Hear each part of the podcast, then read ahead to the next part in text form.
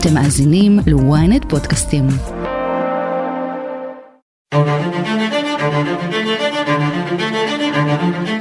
It is really important that Israel, with all the anger, frustration that exists, is that they operate by the rules of war. And there are rules of war. נשיא ארצות הברית ג'ו ביידן הדגיש פעם אחר פעם בהצהרות התמיכה בישראל כי על צה"ל לפעול תוך שמירה על החוק הבינלאומי. מדינת ישראל מתמודדת שנים ארוכות עם לוחמה בטרור שמעלה סוגיות משפטיות שיכולות להגיע לבית הדין הבינלאומי, ה-ICC. The ICC's ICC. ICC's. The International Criminal Court. The International Criminal Court. the International Criminal Court, The Hague. האם ניתן להלום במחבלי החמאס מבלי לפגוע בבלתי מעורבים? מה עושים עם מפקדות שיושבות בבתי ספר ובתי חולים? אפשר למדוד מידתיות כשמדובר בעורפי ראשים ורוצחי תינוקות? ואיך מונעים מהקצינים והחיילים שלנו להגיע להאג?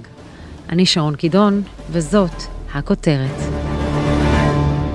The International Criminal Court has declared jurisdiction over potential war crimes carried out by Israel on the Gaza Strip and Hamas on Israel over the past week. Now, Israel is not an ICC member, but Palestinian territories falls under the court's jurisdiction. האלוף במילואים דני עפרוני, פצ"ר לשעבר. כשביידן, הנשיא האמריקני, מזכיר שוב ושוב שישראל צריכה להילחם בחמאס, אבל על פי הדין הבינלאומי, על מה בדיוק הוא מדבר? כפשוטו ממש. משהו שאנחנו מכירים ויודעים וכבר מקיימים, לא רק במלחמה הזאת, אלא גם במלחמות קודמות. אנחנו עוסקים בדיני המשפט הבינלאומי שהם דיני המלחמה, כי מצד אחד הם מאזנים בין הצורך הצבאי, שמוכר ולגיטימי, לנסות להשיג אותו ולממש אותו, לבין הצרכים ההומניטריים. זה כללים שבחלקם הגדול הפכו להיות מנהגים, מנהגים במובן הזה שהם מחייבים אה, מדינות שגם לא צדדים לאמנות האלה. אחד זה העיקרון או הכלל של ההבחנה, ההבחנה בין לוחמים לבין אזרחים. מותר לפגוע במבנים צבאיים שנעשה בהם שימוש צבאי, אסור לפגוע בבית של אזרחים, אבל יש אה, סייגים לעניין הזה, והסייג בשני המקרים הוא אותו אזרח ששינה את מצבו והפך להשתתף בלחימה בכל צורה שהיא, הופך להיות כאדם שאפשר לתקוף אותו, הוא חלק מהצד הלוחם. אזרח שלא עשה כן, אז כמובן שאי אפשר. מבנה של אזרחים שהפך להיות עמדה צבאית, הוא הפך להיות מטרה צבאית מותרת. ישנם אה, מבנים שיש להם שימוש כפול, כלומר מצד אחד אפשר להשתמש בהם לצרכים צבאיים, ובשוטף הם משמשים גם לצרכים אזרחיים, למשל חשמל, מתקן חשמל. אפשר לכאורה אה, לעשות שימוש, וזה מביא אותי עכשיו לעניין הכלל הנוסף או עיקרון, אז מותר לתקוף רק לשם הגשמת צורך צבאי. אנחנו לא תקפנו, אה, למיטב ידיעתי, בלוחות סולאריים בבית החולים שיפא, אבל אנחנו עוקבים אחרי האופן שבו חמאס עושה שימוש ציני במתקנים הומניטריים, והאופן שבו חמאס עושה שימוש ציני בניצול אנרגיה של מתקנים הומניטריים לתשתיות טרור, ואנחנו נפרק את העניין הזה, כדי שלחמאס לא תהיה אנרגיה לתשתיות הטרור שלו. אבל עדיין הצורך הצבאי הוא לא חזות הכל, יש לו את המגבלה של המידתיות.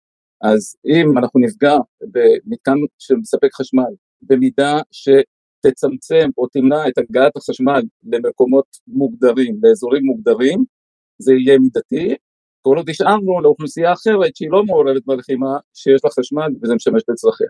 העיקרון של המידתיות שמאזן את הצורך הצבאי, כלומר אתה רשאי לתקוף כל עוד הפגיעה באזרחים, הפגיעה במתקנים של אזרחים היא פרופורציונלית ליתרון הצבאי שמשיגה התקיפה הזאת.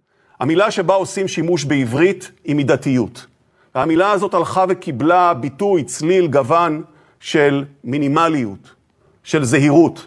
תקיפת משגר בודד אחד, שנמצא בחדר, בבית בלבנון, או בצמוד לבית מאוכלס, תמנע פגיעה בבית דירות שלנו, ותמנע פגיעה בעשרות מאזרחי מדינת ישראל. זאת חובה שלנו. לתקוף את המשגר הזה. מאותו נימוק בדיוק, חובתנו לתקוף את כל המשגרים וכל הטילים שאנחנו מזהים במרחבים האלה. זו הדרישה מאיתנו, זה תפקידנו וזה ייעודנו. אבל למה בעצם אנחנו צריכים לשמור עד כדי כך על החוק הבינלאומי כשמולנו יש ארגון טרור שלא בוחל בשום אמצעים, לא מתנהל לפי החוק הבינלאומי, הוא בכלל כפוף לחוק הבינלאומי?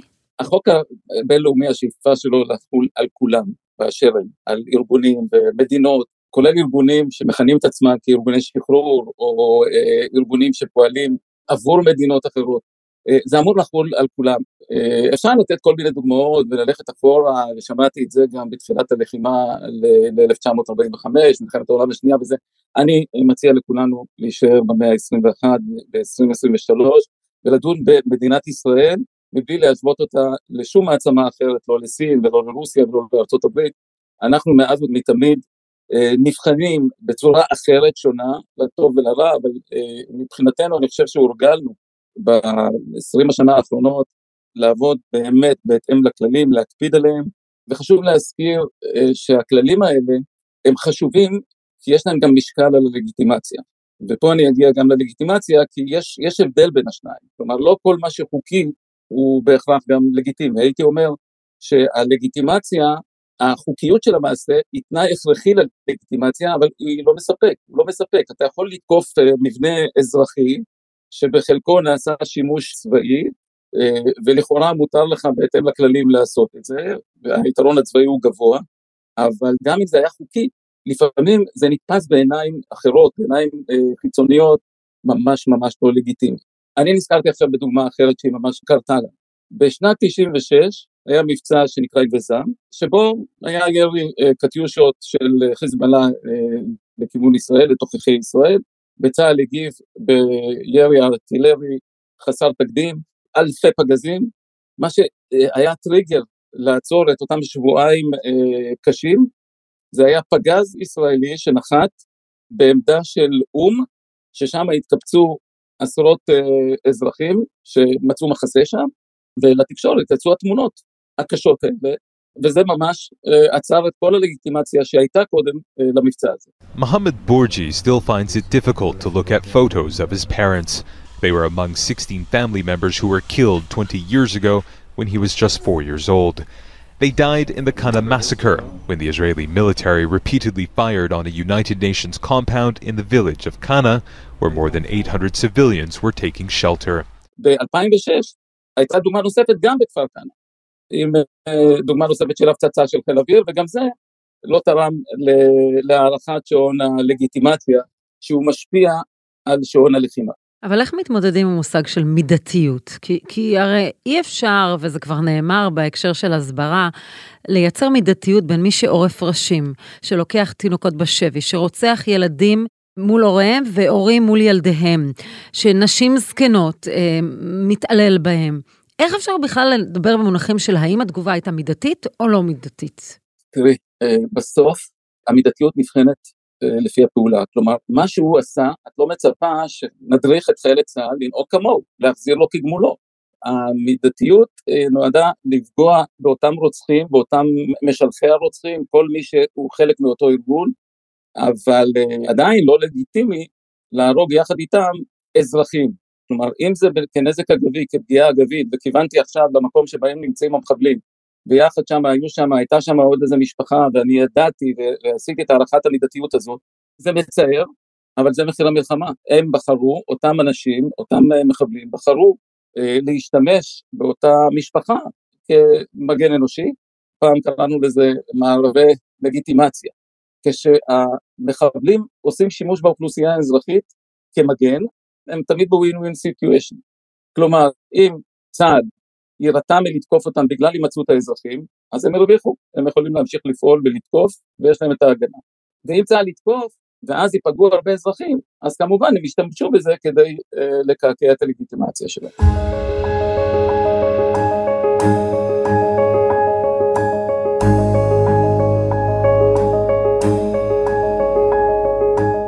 בוא תכניס אותנו לאיך זה באמת מתנהל, הרי לא כל... אה...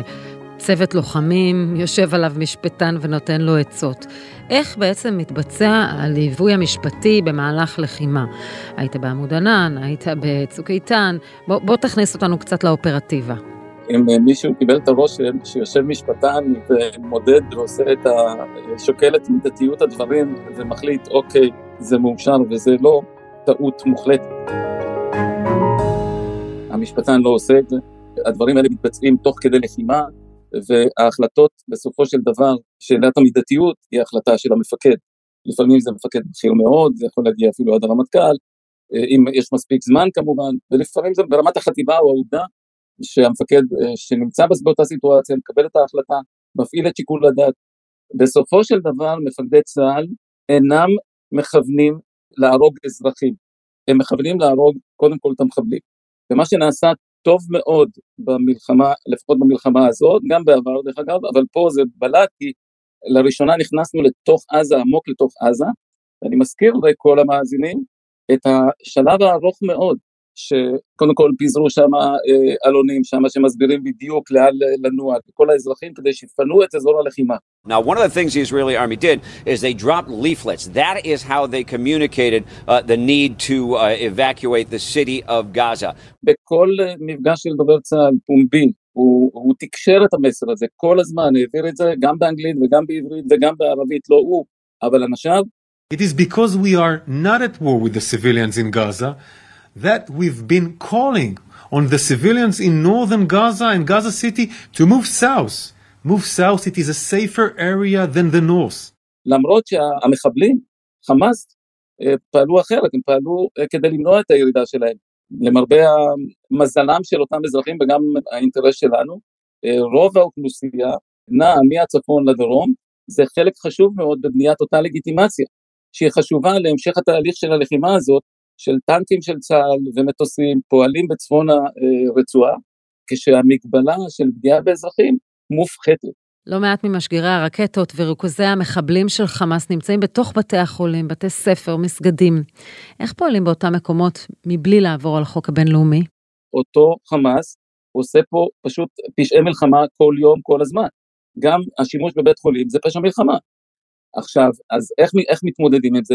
אני מניח שאם תהיה כוונה להיכנס לשם, אז uh, תינתן האזהרה המתאימה, ויאפשרו לכל הצוותים ולכל הפציינטים שנמצאים שם, כל המטופלים, uh, יאפשרו להם מסדרונות בטוחים כדי לצאת משם, צה"ל יצטרך uh, לסייע אם צריך, דהיינו לאפשר לכל האזרחים שנמצאים שם, כל המטופלים והמטפלים, כל הצוותים, לצאת משם בביטחון, בין אם הם ירצו למצרים או לכל מקום אחר אם צריך אפילו לתוך חי ישראל, לאפשר להם פשוט לפנות את בית החולים, ומאותו רגע בית החולים איבד את הגנתו מרגע שהוא הפך להיות אה, דואלי, כלומר משמש לצרכים צבאיים, בצה"ל יש לו ראיות שהן מראות שהוא אכן משמש לצורך הצבאי.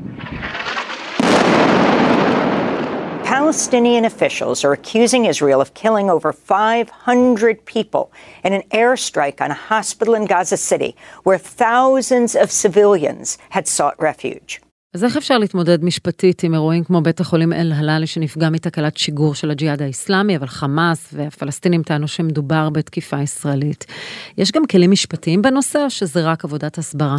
לא, ממש לא משפטי, אבל יש פה את ההיבט של הלגיטימציה, וזה היה דוגמה נהדרת, מצוינת עבורנו, עבור דובר צה"ל וצה"ל להציג את השימוש השקרי שהצד השני עושה, ופה הוא, הוא בטעות, יש פה פשוט נפל, אבל הוא עושה פייק ניוז גם לא בטעות, כשהוא אה, מפריז בכמויות. המספר הראשון שנזרק לתקשורת, לאינטרנט, זה היה בסביבות 500 הרוגים, לא הגזימו, כן? 500 הרוגים מנפל של אה, טיל, ואחר כך זה ירד, וזה לקח זמן כדי לתת את התשובה יותר מדויקת, אבל במקרה הזה היה שווה גם להמתין, ולכן כל התקשורת הבינלאומית ומדינות או ממשלות שהזדרזו לגנות, חלקן לפחות, ידעו גם להתנצל ולחזור בהם מהגינויים.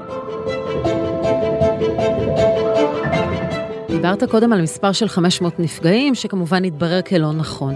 אין באמת דרך מהימנה לדעת כמה אנשים נפגעו ברצועה, כי משרד הבריאות בעזה לא מדויק, כידוע, ולמרות זאת, האו"ם וארגון הבריאות העולמי בסוף נשענים על הנתונים הללו. איך מתמודדים עם זה מבחינה משפטית? אין לזה התמודדות משפטית. ההתמודדות היחידה היא לדבר בעובדות. האמת היא שבחלק מהמקרים אנחנו לא יכולים גם להזים את הטענות שלהם. הארגונים הבינלאומיים ניזונים מהמדינות, או מהארגונים, במקרה הזה משרד הבריאות הפלסטין.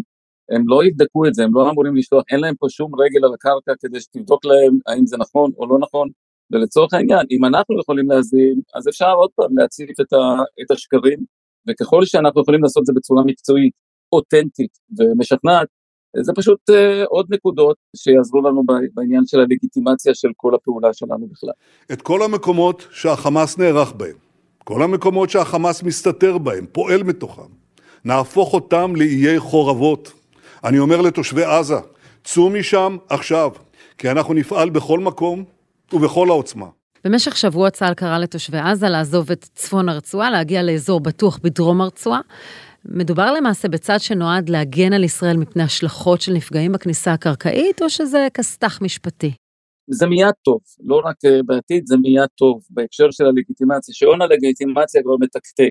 לא תמיד הדרג המדיני הישראלי uh, מבין את מה שאמרתי עד עכשיו, את החשיבות של הלגיטימציה. אפשר לראות שדובר צה"ל מנוסה כבר, ומבין בדיוק את כללי הדין הבינלאומי, ויודע להדגיש ולחזור עליהם, אותו דבר גם הרמטכ"ל. לצערי, הדרגים הפוליטיים, הדרג המדיני, אה, מרבה באמירות מזיקות, כולל חלק מהפרשנים שמופיעים, הן מזיקות לכל מה שאמרתי קודם בעניין של הלגיטימציה וחוקיות הפעולה שלה. כשמישהו אומר אני אחזיר את האזור הזה לתקופת האבן, זה נאמר לגבי לבנון, או כל מיני אמירות כאלה, נקמה זה לא חלק מהמלחמה, אנחנו נלחמים בהתאם לכללים, והכללים מאפשרים לנו להשיג ולהגשים את כל המטרות שלנו אם אנחנו נצמדים לכללים. אין כלל שעוצר אותך בכלל. הכלל של הבחנה הוא כלל מנהגי מחייב. אתה חייב לעשות מאמץ להבחין בין הבלתי מעורב לבין המעורבים עצמם. זה, תואם גם את הערכים שלה. אבל כשאנחנו רואים סרטונים שיוצאים נניח, שמתייחסים למחבלים כפותים, עזוב את ה... לשים להם את מני ממטרה, את המוזיקה של מני ממטרה, אבל מתייחסים אליהם בצורה מסוימת. הדברים האלה אחר כך יכולים לעשות שימוש נגדנו? אה, תראי, עזבי, מני ממטרה זה לא, זה, זה סתם, זה לא, זה ששמו מוזיקה זה לא, לא עושה שום דבר, אה, זה, זה לא איזה עינוי, אה, הם היו בחוץ, ולא בחדר סגור, ולא זה, זה סתם, גם ניתן לזה איזה הסבר, אני חושב, שאמרו שהם פשוט לא רצו שהם ידברו ויתאמו ביניהם וישוחחו, אז זה לגיטימי, זה לא, זה לא, זה לא דבר פסול. אבל מעשה התעללות במישהו שכבר כפות אצלך, תפסת אותו, הוא עצור אצלך, ואתה מתעלל בו, זה עבירה פלילית. צריך לחקור וגם להעמיד לדין, לדין פלילי, והעמדנו לדין פלילי על הדברים האלה. אותו דבר גם לגבי התנהלויות, ש... אירועים שקורים ביהודה ושומרון תוך כדי הלחימה. דברים שלא צריכים להתבצע ומתבצעים, כולל על ידי אזרחים, השטח שם זה לא מערב פרוע. השטח שם נתון באחריות ממשלת ישראל וצה"ל.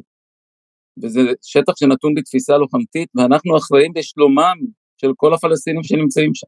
אלה דברים שצריך לעשות להם סוף ומיד. וכל דבר וכל אירוע כזה גם לפרסם שמתנהלת חקירה.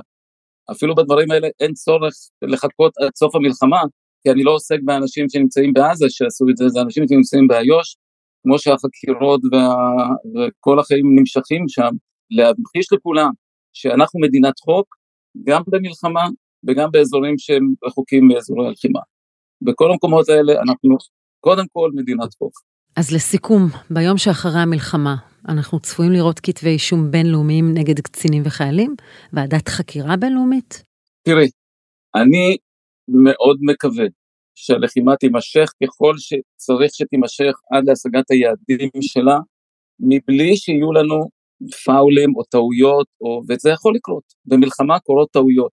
ואם תהיה חלילה טעות כזאת, שגרמה לאיזה קריסה של בניין, או אני לא יודע מה, או איזה פגיעה באיזה בית ספר עם מלא ילדים וזה, צריך לוודא שהדברים יטופלו מיידית ולהעביר כבר הסברים, וכשיש טעויות ואנחנו יודעים להסביר את הטעות, אז נכון, זה יפגע לנו קצת בלגיטימציה, אבל אה, זה, טעויות קורות במלחמה, ובמשפט הבינלאומי וגם בבתי משפט מבינים שכשיש טעות ומתרשמים שאכן הייתה טעות, אז לא עושים מזה, לא עושים מזה, מי שרוצה שיעשה, אבל לא יעמידו לדין מישהו שטעה. אבל אה, מה שמחייב אותנו, וזה ייעשה, אני מניח, בתום הקרבות, זה לבדוק את כל האירועים האלה. ככל שנבדוק את כל האירועים האלה, ויש, אנחנו הקמנו מנגנון בירור מטכ"לי בראשות אלוף, עם אה, חוקרים מקצועיים, שיבדקו את כל האירועים החריגים, אה, שיכולים להעלות חשד להפרה חמורה של הדין הבינלאומי.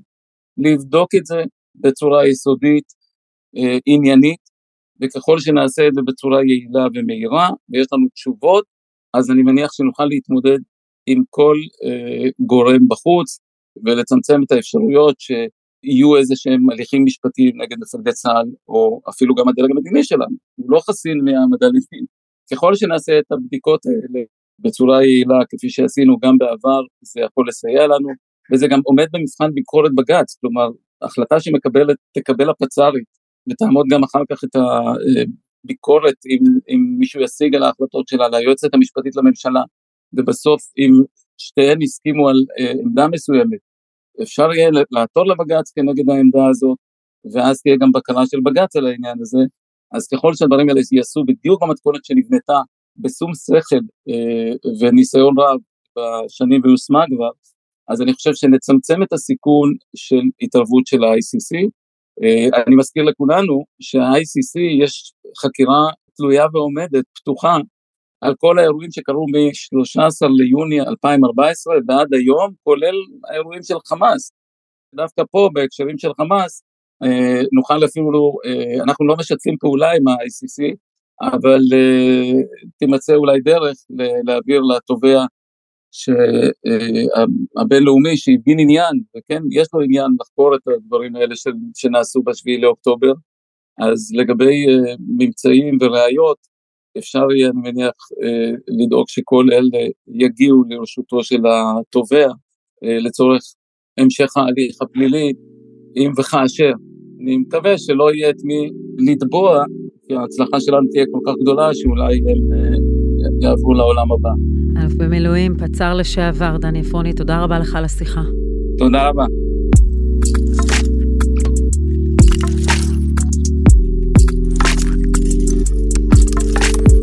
ועד כאן הכותרת להפעם, אם עדיין לא נרשמתם לעקוב אחרינו באפל או בספוטיפיי, זה בסדר, בניגוד להאג, אנחנו לא שופטים, אבל תעשו את זה במיידי. מוזמנים גם לדרג אותנו, להגיב, נשמח לקרוא. אפשר למצוא אותנו גם באתר ynet או באפליקציה בנייד או ברכב. אם הגעתם עד לפה, אתם מוזמנים להאזין לפרק נוסף שלנו על שעון החול של הלגיטימציה. חפשו את הפרק "העולם תומך בישראל" בינתיים. תחקיר ועריכה גיא סלם, סאונד עמרי זינגר, אני שרון קידון, שמרו על עצמכם.